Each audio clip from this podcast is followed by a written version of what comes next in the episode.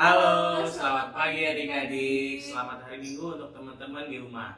Pasti kabarnya baik-baik aja ya. Ya, pasti sehat-sehat terus kan? Iya.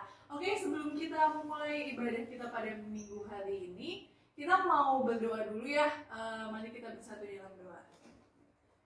Tuhan Yesus yang baik, terima kasih Tuhan untuk hari ini, untuk pagi ini Tuhan masih ber- masih menyatukan kami, masih dapat eh, bersama-sama berkumpul Tuhan untuk dapat memuji dan memuliakan namamu. Sebentar juga Tuhan kami akan memulai ibadah uh, persekutuan Tuhan kami pada pagi hari ini. Kiranya Tuhan memberkati, biar kiranya apa yang ingin Tuhan sampaikan kepada kami dapat kami uh, terapkan dalam kehidupan kami masing-masing dan kami dapat mengerti apa yang harus kami lakukan. Dalam nama Tuhan Yesus kami sudah berdoa dan mengucap syukur. Amin.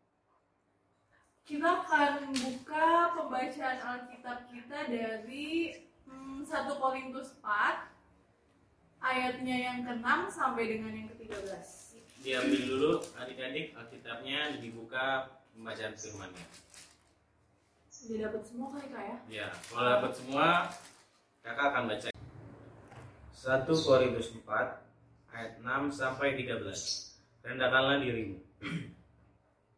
Saudara-saudara, kata-kata ini aku kenakan pada diriku sendiri dan pada Apolos. Karena kamu, supaya dari teladan kam- kami kamu belajar apakah arti ungkapan.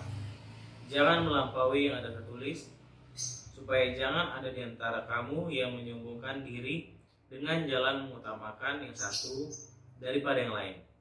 Sebab siapakah yang menganggap engkau begitu penting dan apakah yang engkau punyai yang tidak engkau terima? Dan jika engkau memang menerimanya, mengapakah engkau memegahkan diri seolah-olah engkau tidak menerimanya? Kamu telah kenyang, kamu telah menjadi kaya tanpa kami, kamu telah menjadi raja. Ah, alangkah baiknya kalau benar demikian, bahwa kamu telah menjadi raja, sehingga kami pun turut menjadi raja dengan kamu. Sebab menurut pendapatku, Allah memberikan kepada kami, pada rasul, tempat yang paling rendah. Sama seperti orang-orang yang telah dijatuhi hukuman mati, sebab kami telah menjadi tontonan bagi dunia, bagi malaikat-malaikat dan bagi manusia. Kami bodoh oleh karena Kristus, tetapi kamu arif dalam Kristus. Kami lemah, tetapi kamu kuat. Kamu mulia, tetapi kami hina. Sampai pada saat ini, kami lapar, haus, telanjang, dipukul, dan harus mengembara. Kami melakukan pekerjaan tangan yang berat. Kalau kami dimaki, kami memberkati. Kalau kami dianiaya, kami sabar. Kalau kami difitnah, kami tetap menjawab dengan ramah. Kami telah menjadi sama dengan sampah dunia, sama dengan kotoran dari segala sesuatu sampai pada saat ini. Demikian bacaan Alkitab.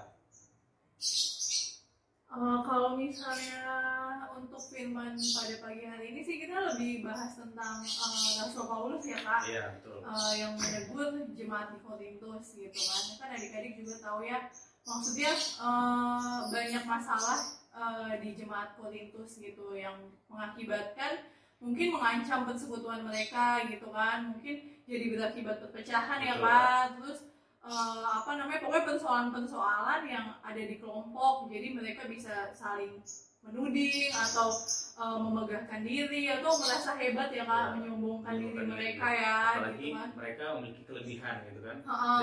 dibanding, orang yang lainnya. Nah, jadi eh, pada minggu hari ini kita mau bahas tentang gimana sih kita menegur dengan kasih melalui eh, permasalahan jemaat yang ada di Korintus gitu. Jadi kalau dari perikop sih eh, Paulus itu kan eh, maksudnya eh, dipertanyakan gitu kan eh, oleh orang Korintus gitu kan karena dia kan seorang tokoh penginjil yang baru ya. Eh, ah, dan juga kan dia melayani jemaat juga gitu kan dan untuk meneruskan pelayanan yang sudah dirintisnya itu eh, Paulus berusaha untuk meluruskan kesalahpahaman dengan begitu rendah hati tanpa sedikit pun menyalahkan jemaat Korintus eh, ataupun Apolos gitu. Jadi eh, dia coba untuk menegur tapi tanpa menyinggung kak. Jadi eh, tetap dengan apa namanya uh, kasih, Kasih, gitu. Uh, kemudian uh, Paulus juga um, di situ kan uh, tugasnya menegaskan posisi itu sebagai hamba Kristus. Jadi dia tuh memang uh, di untuk menghindari lah kesalahpahaman yang terjadi. Jadi uh, nggak berarti juga bahwa mereka dapat diperlakukan sesuka hati. Jadi jemaat uh, Rasul Paulus itu memang melayani kebutuhan rohani jemaat. Jadi Paulus di sini juga kan menegaskan uh, gimana sih posisinya itu sebagai hamba Kristus gitu kan. Jadi uh, dia itu mau bagaimana jemaat di Korintus itu uh, bisa menghindari segala kesalahpahaman yang sudah terjadi gitu kan. Jadi memang uh, para rasul itu memang kan milik jemaat, cuman kan uh, hal itu nggak berarti bahwa mereka tidak diperlakukan sesuka hati. Jadi jemaat uh, dan rasul-rasul memang melayani kebutuhan rohani jemaat gitu. Uh, namun mereka tetap adalah hamba Kristus bukan hamba jemaat gitu. Jadi sebagai hamba Kristus para rasul itu bertanggung jawab langsung kepada Kristus sehingga men, uh, yang menjadi tuan mereka. Jadi Kristus lah yang berhak menghakimi mereka gitu, bukan jemaat Korintus. Berarti itu sih yang ditegaskan di ayat uh, di pembacaan kita pada pagi hari ini. Jadi mungkin uh, gimana sih kak kalau misalnya gitu kalau misalnya kita dalam posisi sebagai Paulus gimana kita harus menegur dengan kasih kalian itu gimana? Caranya gimana gitu? Baca kira sih bagus banget nih. Kalau kita tadi eh, kalau kalian menyimak juga ada di sini dia menjelaskan menegur dengan apa? Tanpa harus menyalahkan orang lain. Dia menegur dengan kasih dengan maksud yang baik. Nah dengan kasihnya itu kita punya kelebihan di sifat baik. Jangan kayak gini kak gitu. Nggak seperti itu. Cuma kita menegur dengan oh ini perbuatannya nggak baik loh. Ini perbuatan nggak baik ini bisa berakibat fatal loh buat buat kadebora juga buat buat orang beriman kadebora gitu sih kak. Jadi bagus banget nih pembacaan kita. Buat adik-adik teman-teman juga kita bisa mencontoh seperti Rasul Paulus. Dia mau menegur eh, jemaat di Korintus itu hmm. Padahal Rasul Paulus itu juga mungkin dia juga ikut berdampak akibat dari perbuatan jemaat di Korintus itu. Tapi Rasul Paulus itu nggak mau menegurnya dengan misalkan dengan emosi, dengan eh, egonya sendiri, Hmm. tapi tetap mengutamakan kasih gitu sih kak. jadi mungkin kalau misalnya apa namanya eh, Paulus juga mungkin mau ngasih tahu kita juga ya adik-adik ya maksudnya kita tuh eh, apa kekayaan dan kuasa yang sesungguhnya itu bukan dari diri kita sendiri gitu kan. Jadi di mata Tuhan tuh kita nggak punya apa-apa gitu. Jadi sebenarnya Tuhan yang eh, raja gitu kan yang apa namanya di dalam kehidupan kita kan dia udah apa kalau lihat pengorbanan di kayu salib kan dia juga udah mati untuk kita dia udah menebus dosa-dosa kita. Jadi sebenarnya kita pun eh, jadi harus meletakkan Tuhan itu sebagai sesuatu yang utama gitu ya dalam kehidupan kita gitu jadi eh, kita juga harus siap kali ya dan rela mau menerima penderitaan, kehinaan, ce- celaan atau fitnah gitu. Jadi hidup apa adanya. Kita juga harus eh, bekerja keras, sabar, tetap memberkati walaupun dia niaya meskipun itu susah ya kak, gitu kan.